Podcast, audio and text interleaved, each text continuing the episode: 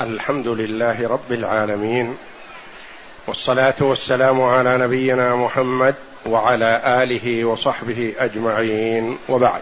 قال المؤلف رحمه الله تعالى الحديث الأربعون بعد المئة. عن جندب بن عبد الله البجلي رضي الله عنهما قال صلى رسول الله صلى الله عليه وسلم يوم النحر. ثم خطب ثم ذبح.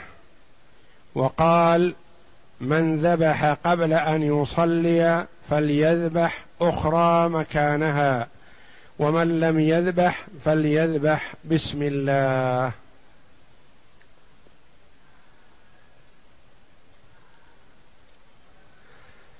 هذا الحديث فيه فوائد. اولا قول جندب بن عبد الله البجلي رضي الله عنهما صلى رسول الله صلى الله عليه وسلم يوم النحر ثم خطب.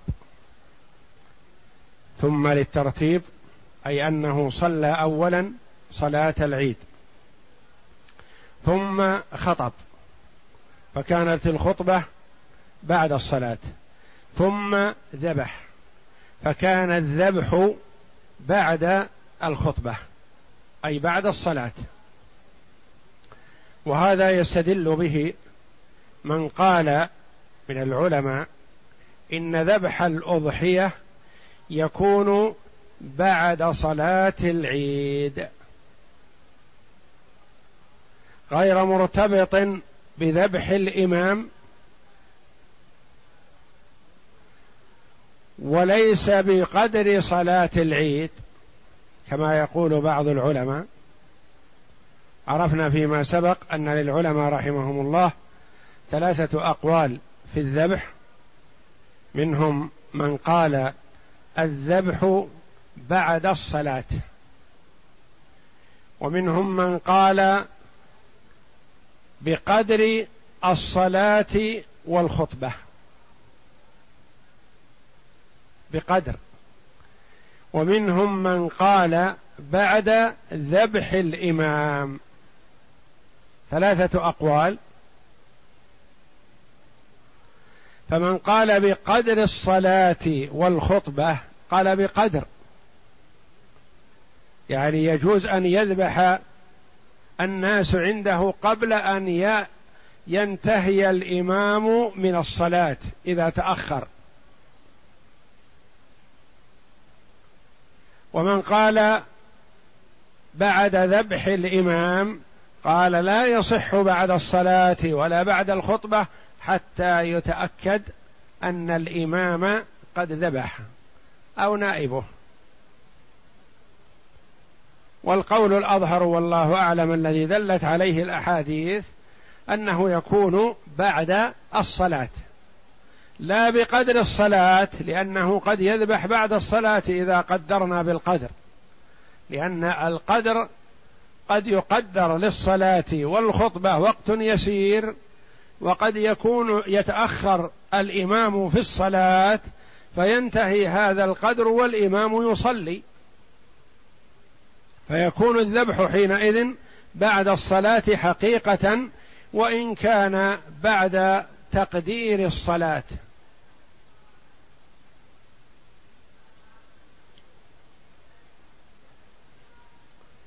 من ذبح قبل أن يصلي فليذبح أخرى مكانها. يعني دل على أن من ذبح قبل أن يصلي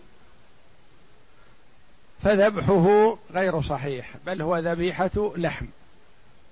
يحل أكلها وليست بأضحية. ومن لم يذبح بعد يعني قال هذا في خطبته صلى الله عليه وسلم فليذبح بسم الله. استدل بهذا على أن التسمية واجبة. وأخذ من هذا بعض العلماء على أن الأضحية واجبة لقوله فليذبح اللام لام الأمر. والجمهور على أنها ليست بواجبة وإنما هي سنة مؤكدة. ما في الحديث؟ البجلي بفتح الباء والجيم بجا. منسوب إلى قبيلته بجيلة. قوله فليذبح بسم الله أي قائلا بسم الله. بدليل رواية فليذبح على اسم الله. اختلاف العلماء. ذهب أبو حنيفة ومالك. والثوري إلى أن الأضحية واجبة على الموسر لقوله تعالى فصل لربك وانحر. وذهب الجمهور إلى أنها سنة مؤكدة والأولى عدم تركها لمن قدر عليها لأن النبي صلى الله عليه وسلم قال من كان له سعة ولم يضحي فلا يقربن مصلانا. هذا دليل على الآكدية وقد لا يؤخذ منه الدليل على الوجوب لأن الصلاة ليست بواجبة. فيقال إن الأضحية واجبة كوجوب الصلاة لقوله فلا يقربن مصلانا.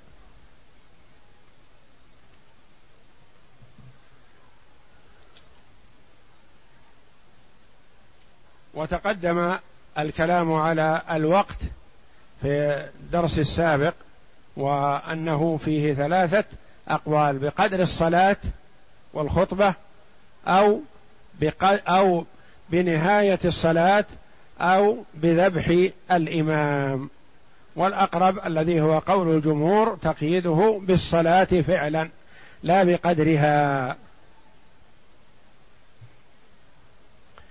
الحديث الحادي والأربعون بعد المئة عن جابر رضي الله عنه قال شهدت مع رسول الله صلى الله عليه وسلم يوم العيد فبدأ بالصلاة قبل الخطبة بلا أذان ولا إقامة ثم قام متوكئا على بلال فأمر بتقوى الله وحث على طاعته. ووعظ الناس وذكرهم ثم مضى حتى أتى النساء فوعظهن وذكرهن فقال يا معشر النساء تصدقن فان أكثر حطب جهنم. فقامت امرأة من سطة النساء سفعاء الخدين فقالت لم يا رسول الله؟ قال لأنكن تكثرن الشكاة وتكفرن العشير. قال فجعلن يتصدقن من حليهن يلقين في ثوب بلال من أقراطهن وخواتيمهن. رواه مسلم. هذا الحديث دل على أحكام عديدة قوله شهدت مع رسول الله صلى الله عليه وسلم يوم العيد فبدأ بالصلاة قبل الخطبة. كما دلت عليه الأحاديث السابقة بأن صلاة العيد تكون قبل خطبة العيد وأنه لا يشرع لصلاة العيد أذان ولا إقامة. ثم قام متوكئا على بلال دل على أن الخطبة تلقى قائما وهذا هو الأفضل. وأنه لا بأس بتوكؤ الرجل على رجل آخر ليعتمد عليه ويساعده في الوقوف. فأمر بتقوى الله وحث على طاعته. أن أهم ما يذكر في الخطبة ما وصى به النبي صلى الله عليه وسلم وهو الأمر بطاعة الله بطاعة الله وتقواه. وتقوى الله جل وعلا فسرت بتفسيرات كثيرة. ومن أجمعها قول من قال هي العمل بطاعة الله على نور من الله رجاء ثواب الله. والبعد عن معصية الله على نور من الله خوفا من عقاب الله. إيضاح هذا التعريف. العمل بطاعة الله على نور من الله يعني على بصيرة وعلى معرفة أنها طاعة يعني يتقرب بذلك إلى الله. لا أنه يعمل كما يعمل الناس وإنما يعمل يتقرب إلى الله.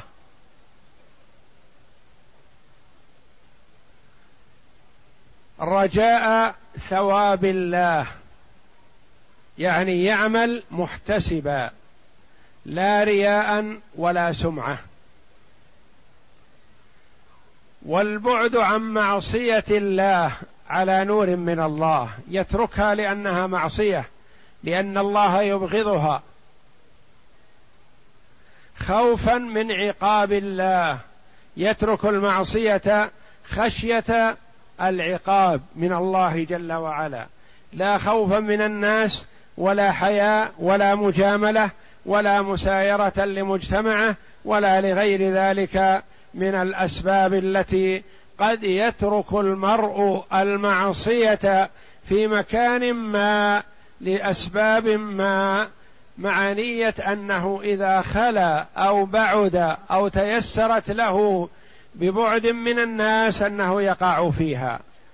فتركه المعصية حال تركه خوفا من الناس أو حياء من الناس لا خوفا من الله لا أجر له ولا يعتبر متقيا لله. أن تعمل بطاعة الله على نور من الله رجاء ثواب الله. وأن تترك معصية الله على نور من الله خوفا من عقاب الله.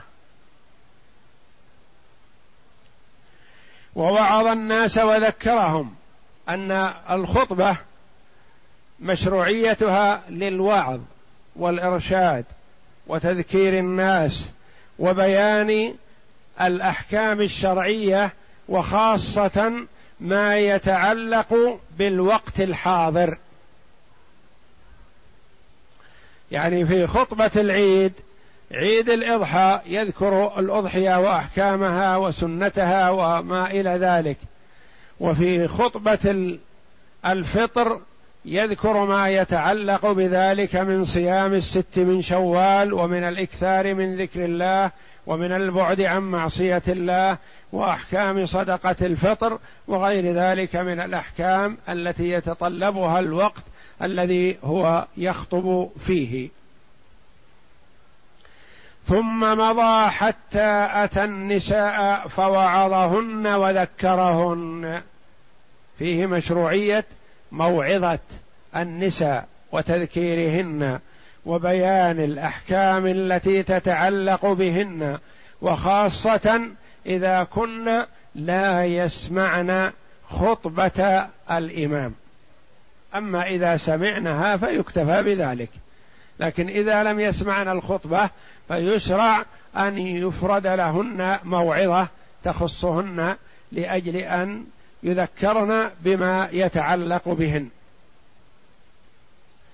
وذكرهن فقال يا معشر النساء يعني جماعة النساء تصدقن الحث على الصدقة وأنها تطفئ غضب الرب جل وعلا وأنها سبب لدخول الجنة وأنها سبب لإكثار الحسنات.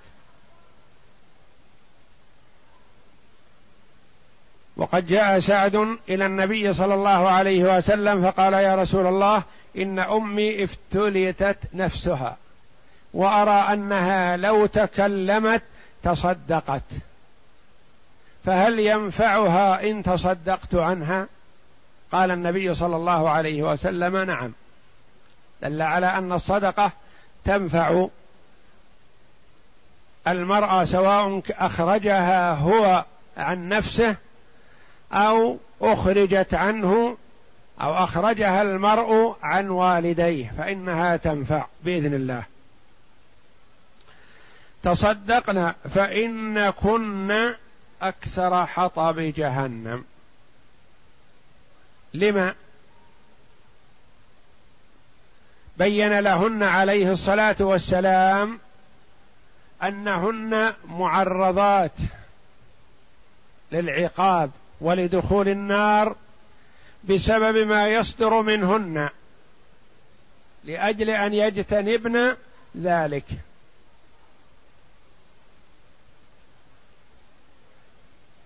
فقامت امرأة من سطة النساء يعني جالسة في وسط النساء ليست في المقدمة ولا في المؤخرة من عامة النساء. وبعضهم يروي الحديث من سفلة النساء يعني من ممن لا يسألن أو ليس عندهن من الأدب الشيء الكثير. وهذا وكونه من سطة النساء أقرب والله أعلم لأن هذا سؤال هام ومهم ويستفدن منه ودل على فقه هذه المرأة. في قولها لما؟ لأنها عرفت أن كونهن أكثر حطب جهنم بسبب شيء يصدر منهن وإلا فإن الله جل وعلا لا يظلم الناس شيئا. لما يكن النساء أكثر حطب جهنم لما يصدر منهن فتريد أن يعرف النساء هذا السبب ليجتنبنه. سفعاء الخدين يعني في خدها سواد أو في خدها لون يخالف لون الوجه. فيقال سفعى يعني في خدها شيء. أخذ من هذا بعض العلماء على أن على أنها لم تكن مغطية لوجهها. فلم؟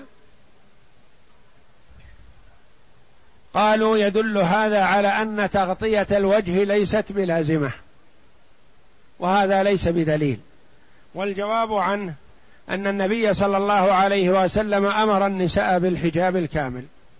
والآية الكريمة في قوله تعالى وليضربن بخمورهن على جيوبهن ولا يبدين زينتهن إلا لبعولتهن أو آبائهن إلى آخر الآية.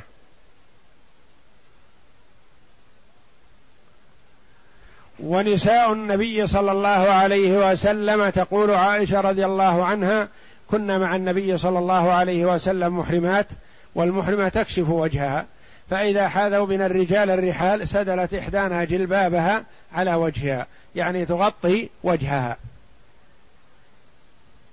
فإذا جاوزونا كشفناه. فإذا كانت وهي محرمة تغطي وجهها عن الرجال الأجانب فهي في حال عدم الإحرام أولى. وأوجب.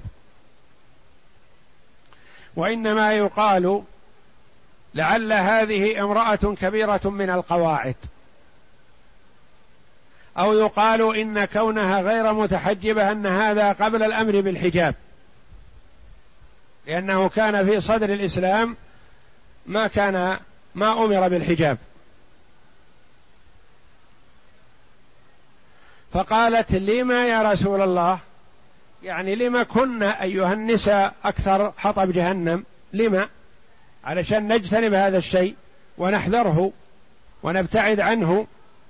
فقال لأن كنا تكثرن الشكاة يعني كثيرة الشكوى. وتكفرن العشير العشير الزوج. كما ورد في بعض الأحاديث لو أحسنت إلى إحداهن الدهر ثم رأت شيئا ما لقالت ما رأيت خيرا قط. والمرأة ليس عندها قوة صبر وتحمل. إذا أوذيت بأقل شيء تأثرت تاثرا كبيرا وأكثرت الشكاية وأكثرت التضجر وربما بكت وأبكت وهو شيء لا يستدعي. وتكفرن العشير أي عند ما ترى أي إساءة من الزوج أو غلط أو شيء تظنه غلط وليس بغلط تقول ما رأيت سرورا ولا رأيت فرحا منذ كنت معك. نسيت كل ما رأت من الخير والسرور وحسن المعاملة. فهذا الفعل سبب لدخول النار. فدل على أن أي إساءة وأي تعد وأي هضم لحق سبب لدخول النار والعياذ بالله. فلما بين صلى الله عليه وسلم لهن ذلك وأن الصدقة تنقذهن من النار سارعن رضي الله عنهن. فجعلن يتصدقن من حليهن. وهذا دليل على حسن الاستجابة والمبادرة بالخير. وأن المرء إذا رغب في خير ما أو رغب أن يبادر. ولا يمهل ولا يسوف. لأن الإنسان أحيانا تنشرح نفسه لفعل الخير. فإذا أقدم وفعله أجر عليه وأثيب عليه وحصل عليه بإذن الله. وإذا سوف وقال فيما بعد حتى كذا حتى كذا بدأ شيئا فشيئا حتى يضمحل هذا هذه الرغبة وتضمحل عنده ويعدل عما أراد. فالصحابيات رضي الله عنهن سارعن في الصدقة ولم ينتظرن حتى يذهبن إلى بيوتهن أو يشاورن أزواجهن أو يشاورن أولادهن أو إخوانهن أو يشاورن آباءهن لا بدأنا في الحال تأخذ الواحدة الخاتم من يدها وترميه في حجر بلال. صدقة. وتأخذ القرط في أذنها وترميه في حجر بلال. صدقة. ودل على أنه لا يلزم المرأة أن تستشير. إذا كانت امرأة عاقلة فإنها تتصدق من مالها بما شاءت. ولا ترجع إلى زوجها ولا ترجع إلى أبيها ولا إلى غيره ما دامت أنه مالها فهي حرة التصرف فيه وخاصة إذا كان في سبيل الخير. فجعلنا يتصدقن من حليهن يلقين في ثوب بلال من أقراطهن الأقراط هي التي تعلق في الأذن وخواتيمهن هي التي تكون في الأصابع.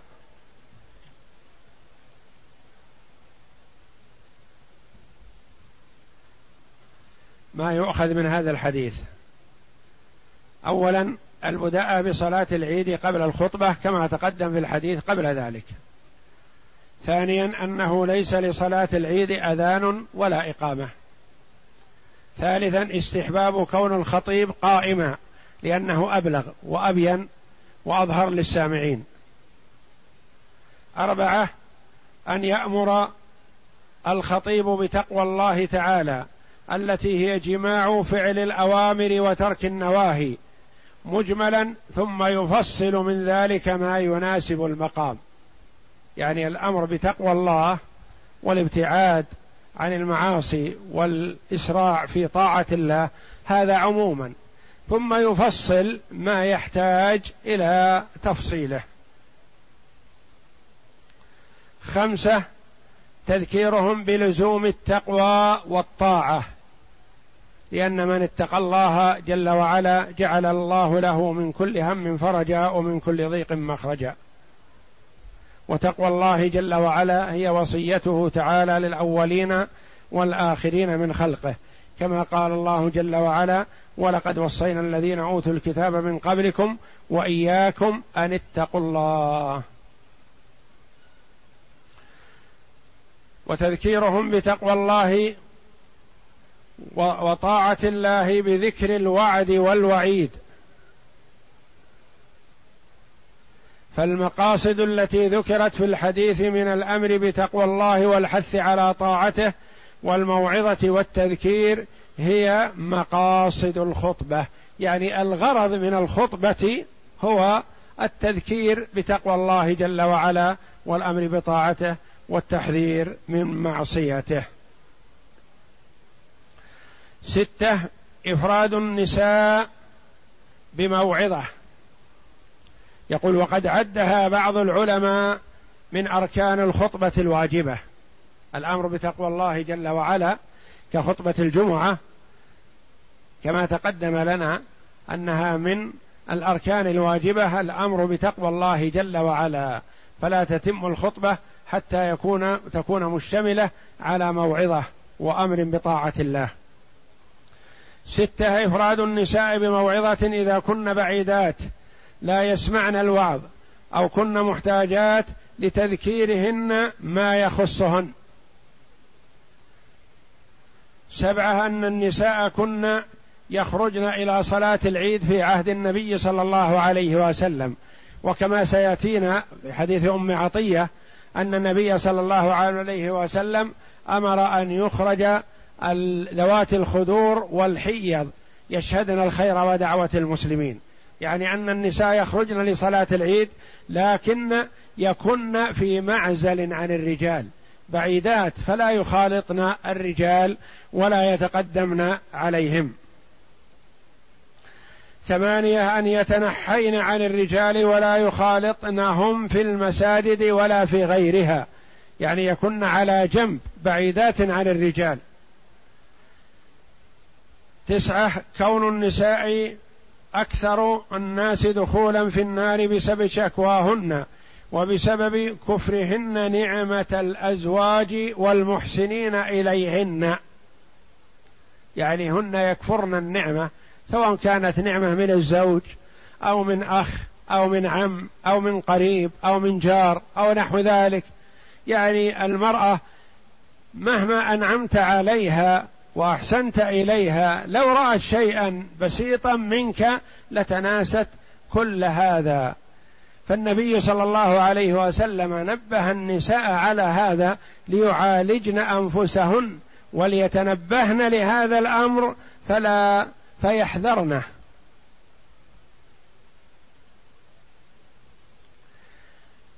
عشرة أن الكلام الفاحش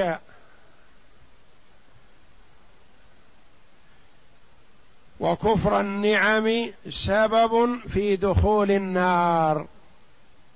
لأنه قال إن كنا أكثر حطب جهنم بسبب هذا الشيء الذي ذكره صلى الله عليه وسلم. وهذا الكفر ليس كفر بالله جل وعلا وإنما هو كفر بالنعمة. يعني غير مخرج من الملة. أن الصدقة من أسباب النجاة من عذاب الله. مخاطبة نساء الصحابة للنبي صلى الله عليه وسلم فيما يهمهن أمره.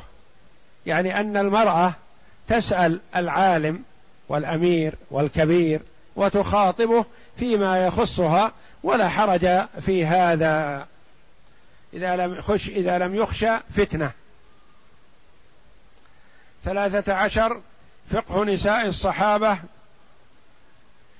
وفهمهن لأن هذه المتكلمة لما قال لهن النبي صلى الله عليه وسلم ما قال لما قال لهن النبي صلى الله عليه وسلم إنهن أكثر أهل النار فهمت أن هذا ليس ظلما من الله. فالله جل وعلا لا يظلم الناس شيئا. وحاشاه ذلك وإنما بسبب الذنوب. فسألت عن هذا السبب الموجب لهن ذلك من أجل أن يجتنبنه. أربعة عشر مبادرتهن إلى فعل الخير إذ أسرعنا إلى الصدقة رغبة ورهبة من الله جل وعلا. فالمؤمن يتصدق رغبة ورهبة رغبة في الثواب وخوفا من العقاب.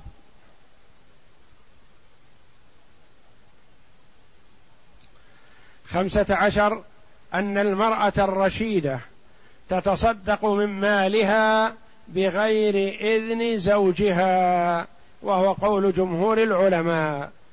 أما من مال زوجها فلا يحل لها أن تتصدق إلا بما أذن لها فيه. إذا أذن لها زوجها بأن تتصدق بشيء مما في البيت فلها ذلك.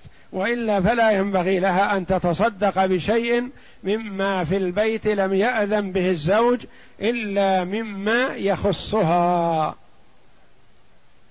لأن هند امرأة أبي سفيان لما أخبرت عن زوجها بأنه رجل شحيح لا يعطيها ما يكفيها ويكفي بنيها قال لها النبي صلى الله عليه وسلم خذي ما يكفيك وولدك بالمعروف.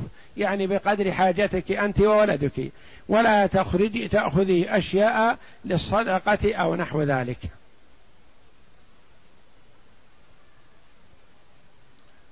أخذ من هذا جواز ثقب الأذن للمرأة وأن هذا ليس من المثلة. يعني ثقب الأذن أو ثقب الأنف أو نحو ذلك من الأشياء التي ولا نهي في هذا ولا يعتبر من المثلاه والله أعلم. وصلى الله وسلم وبارك على عبد ورسول نبينا محمد وعلى آله وصحبه أجمعين.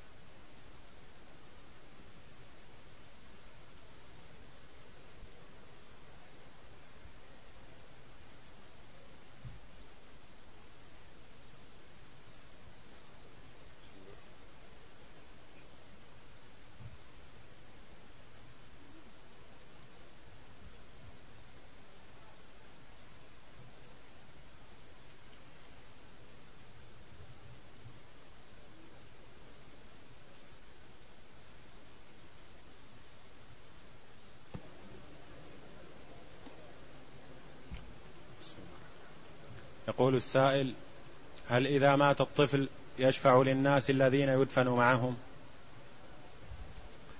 ما أعرف أنه ورد أن الطفل يشفع لمن دفن معه وإنما الطفل يشفع لوالديه إذا لم يحجبه حاجب.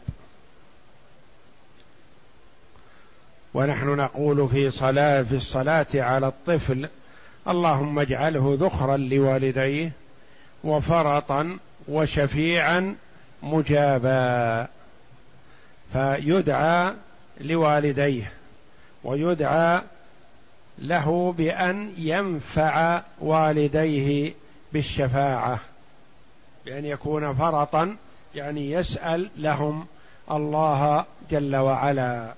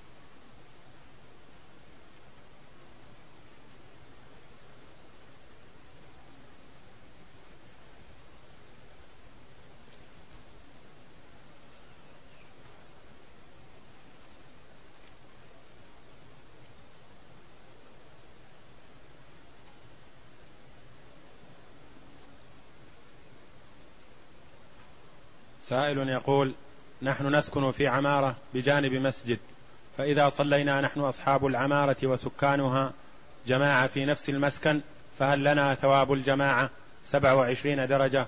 وهل نحن آثمين بعدم ذهابنا للمسجد؟ لا يجوز لسكان العمارة التي بجوار المسجد أن يصلوا فيها ويتركوا الذهاب إلى المسجد. بل يجب عليهم أن يصلوا في المسجد. والنبي صلى الله عليه وسلم قال لقد هممت أن آمر بالصلاة فتقام. ثم آمر رجلا فيؤم الناس. ثم أنطلق معي برجال معهم حزم من حطب إلى قوم لا يشهدون الصلاة فأحرق عليهم بيوتهم بالنار.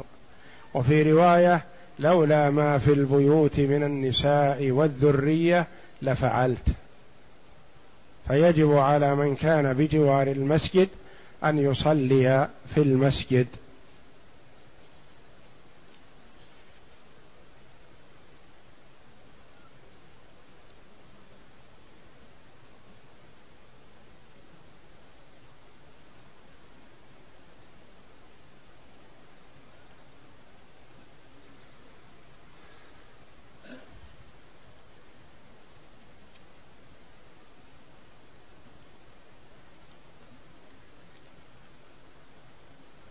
الدرس غدا إن شاء الله بعد صلاة الظهر. يسأل أحد الإخوة بعد صلاة الظهر إن شاء الله.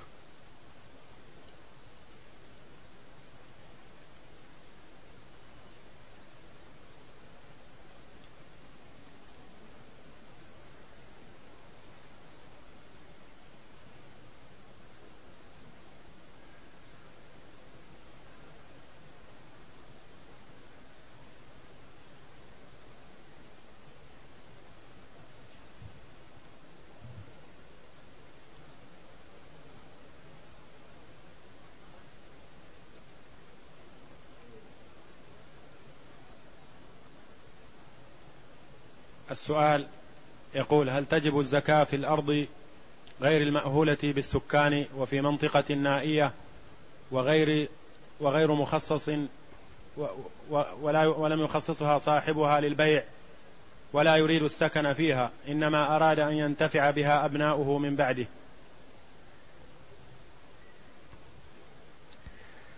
الأرض المشترات لا يخلو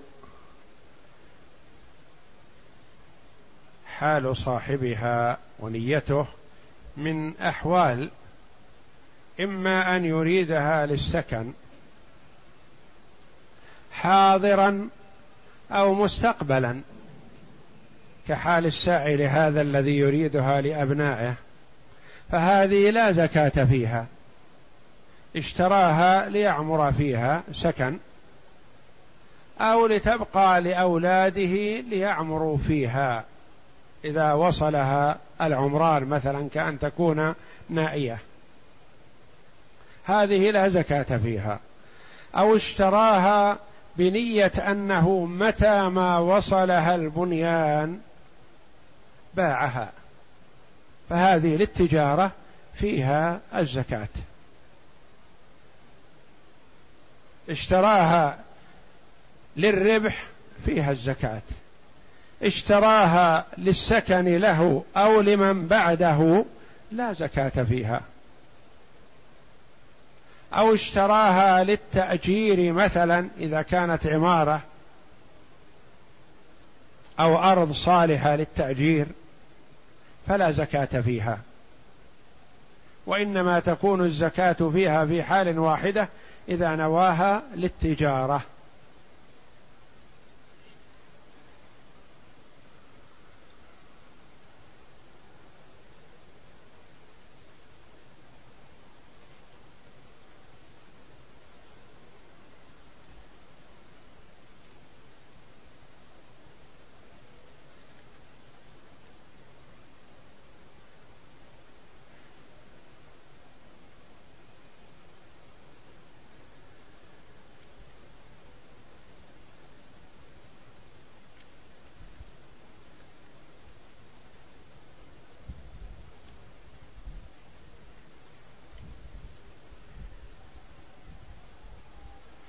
يقول السائل من يزني في الدنيا هل يحرم من زواج من الزواج من الحور العين ومن شرب الخمر في الدنيا ولبس الذهب في الدنيا يحرم من ذلك في الدار الآخرة.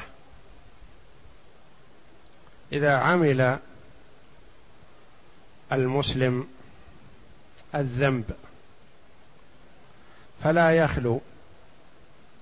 إن كان صغيرة من الصغائر فهذا يغفره الله جل وعلا بالأعمال الصالحة من صلاة وصدقة وصيام وطاعة لله وبر للوالدين وصلة الأرحام والمشي إلى المساجد ونحو ذلك من الأعمال الصالحة.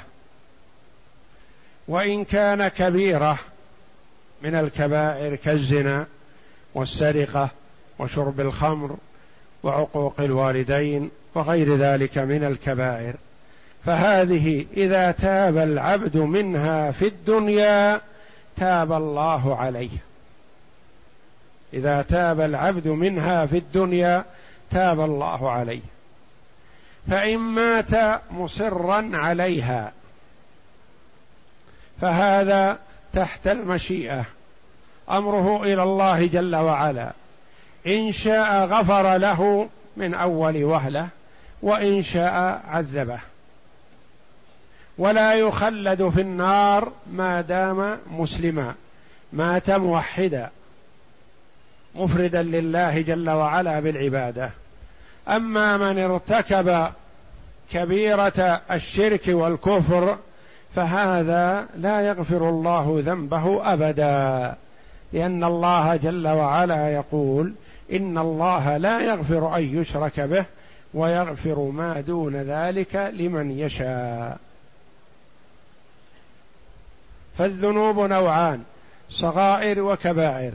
الصغائر يكفرها الله جل وعلا بالأعمال الصالحة. حتى وإن مات العبد مصرا عليها فالله جل وعلا يغفرها بالأعمال الصالحة التي يعملها العبد.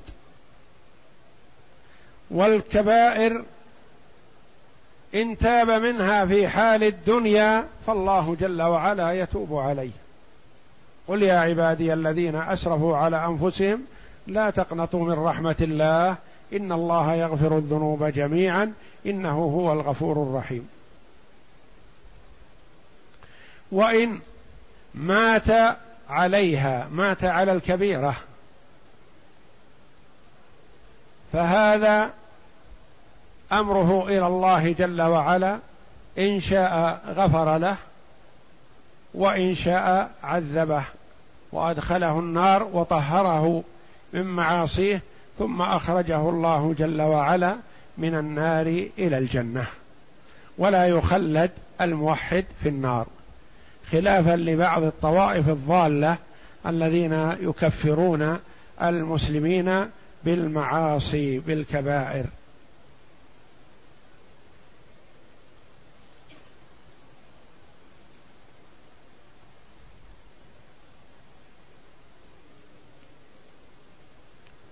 يقول السائل هل المرأة الكبيرة تكشف عن وجهها لغير المحارم؟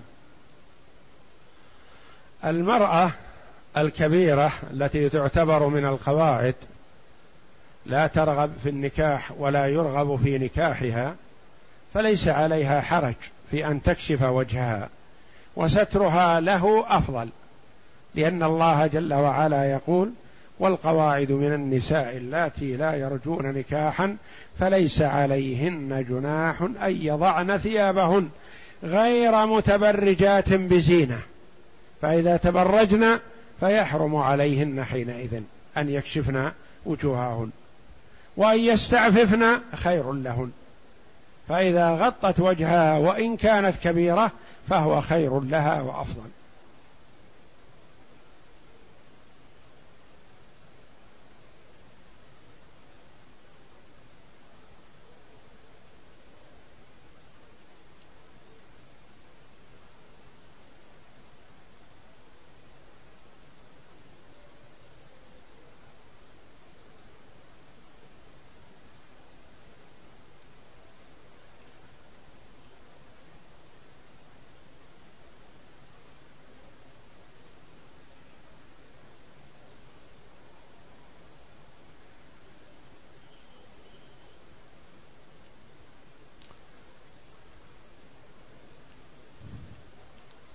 يسأل فيقول هل يجوز أن أشتري ذهبا من أحد المصارف وذلك بإعطائهم شيك بدل النقد ثم أودع الذهب الذي اشتريته عندهم وإذا ارتفع سعر الذهب بعته لهم فهل هذا العمل جائز؟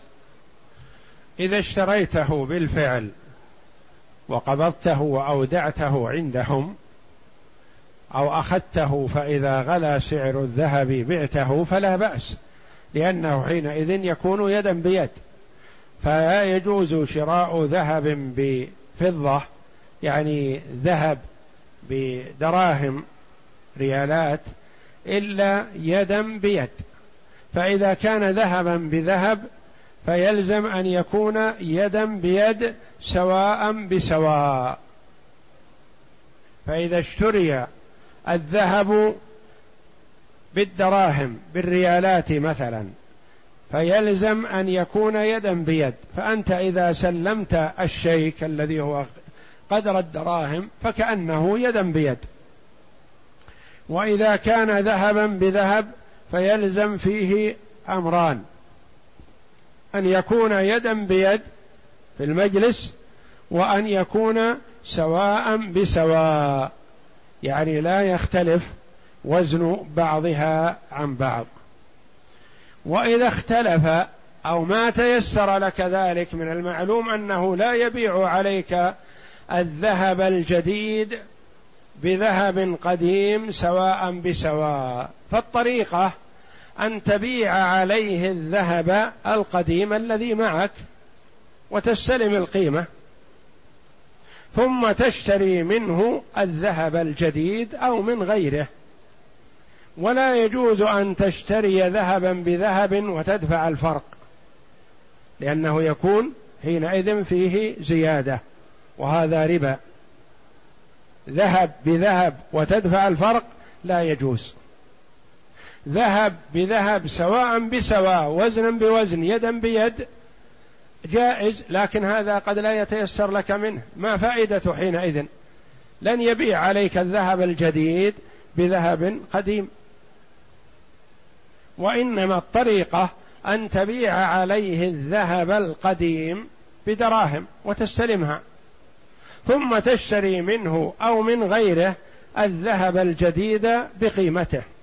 تبيع عليه مثلا بثلاثين ريال وتشتري منه ذهبا آخر جديدا يناسبك بواحد وثلاثين أو بإثنين وثلاثين أو بأكثر أو أقل حسب ما تتفقا عليه.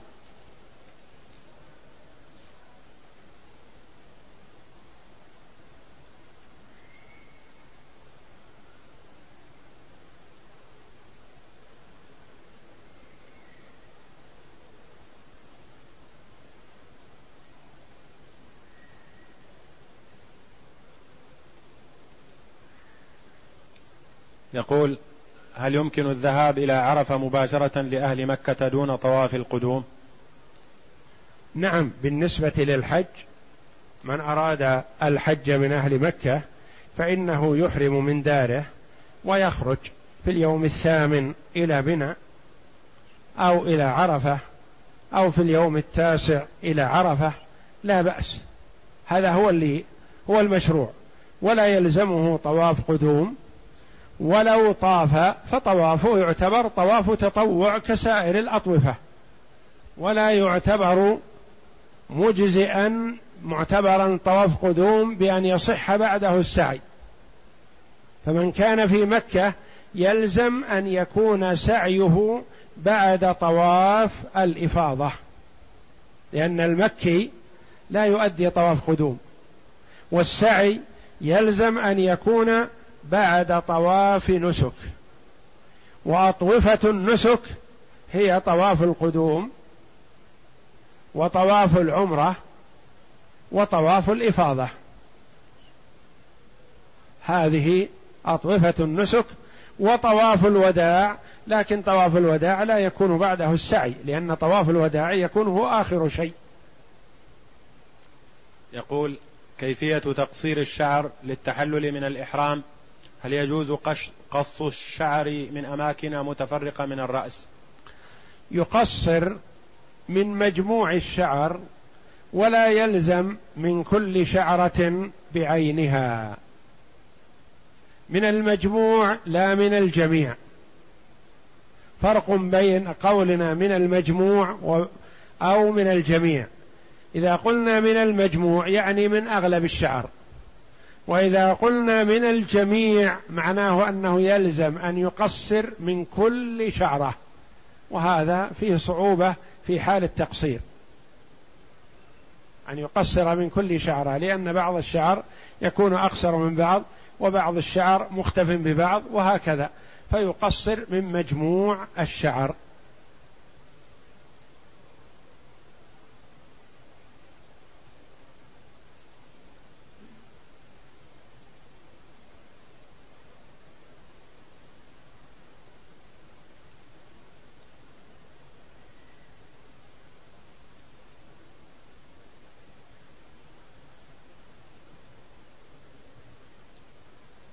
يقول السائل دخل والدنا في غيبوبة عند مرض موته لمدة ثلاثة أيام ثم توفاه الله ولم يصلي رغم أنه كان من المحافظين على صلاة الجماعة حتى في شدة مرضه فهل يجب علينا القضاء عنه؟ لا يا أخي لا يجب عليكم القضاء وليس عليه شيء والحمد لله.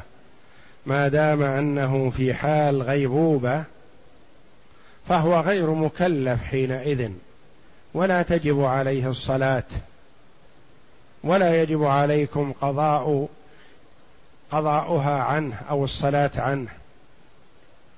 وإنما من كان في حال غيبوبة إذا طالت المدة لا تسقط عنه الحقوق المالية كالزكاة مثلا. إذا كانت زكاة ماله مثلا في رمضان وصار في غيبوبة قبل رمضان ثم دخل عليه رمضان مثلا وخرج رمضان وهو في غيبوبته مثلا ثم توفاه الله بعد ذلك فالزكاة وجبت عليه بتمام الحول برمضان مثلا فتخرج عنه من ماله. وأما الصلاة والصيام والحقوق التي لله جل وعلا بدنية هذه لا تلزمه إذا كان في حال غيبوبة. أما الحقوق المالية فهي تلزم لأنها حق لله جل وعلا وحق للغير حق للفقراء. فيلزم إخراجها. إذا تم الحول يلزم إخراج زكاة المال وإن كان صاحب المال في حال غيبوبة أو كان طفلا صغيرا لا يدرك فيخرجها عنه وليه.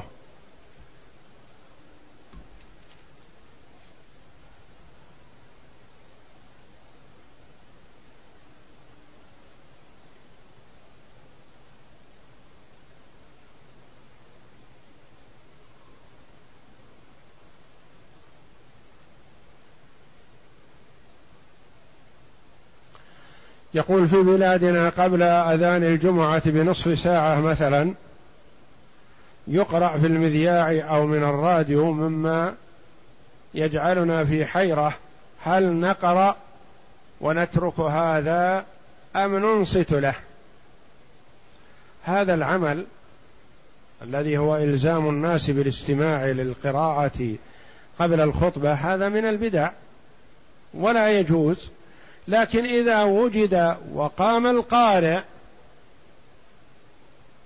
فأنت تستمع ولا تنشغل عنه بشيء ما دام أنه قراءة فتستمع للقراءة لأن الله جل وعلا يقول وإذا قرئ القرآن فاستمعوا له وأنصتوا لعلكم ترحمون فأنت إذا أنصت لقراءة القرآن فأنت مأجور. لكن من رتب هذا الشيء وأمر به هذا يعتبر مبتدع بهذا الشيء. هذا بدعة. فلا حرج عليكم في الاستماع لأنكم تستمعون إلى القراءة تستمعون إلى قراءة القرآن. والله جل وعلا يقول كما سمعت.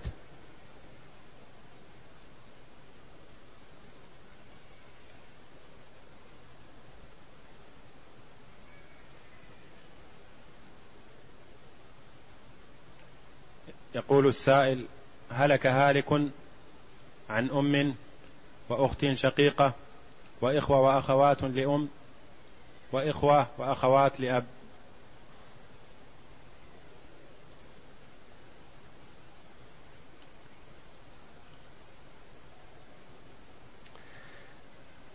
الأم لها السدس والأخت الشقيقة لها النصف. والأخوات لأم لهن الثلث. ولا يبقى للأخوات لأب شيئا.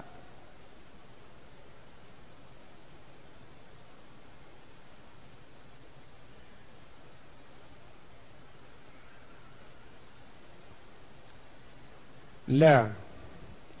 للأم هنا السدس. وللإخوة الأخوات لأم الثلث. وللأخت الشقيقة النصف. نعم. ولا يبقى شيء للإخوة والأخوات لأب. لو كانت أخوات لأب فقط قلنا لهن السدس تكملة الثلثين مع الشقيقة. لكن لما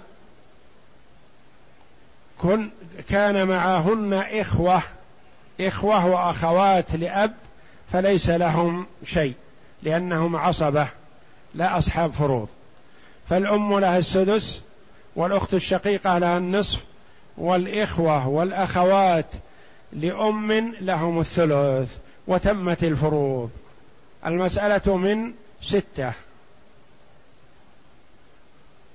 للأم السدس واحد وللأخت الشقيقة النصف ثلاثة وللإخوة والأخوات لأم الثلث اثنان. انتهت. وإخوة وأخوات لأب ليس لهم شيء. لو كن أخوات فقط قلنا لهن السدس تكملة الثلثين فرضا لكن لما صار معهن إخوة ما صار لهن شيء وهذا هو الذي يسميه الفرضيون الأخ المشؤوم يعني منعهن من الميراث.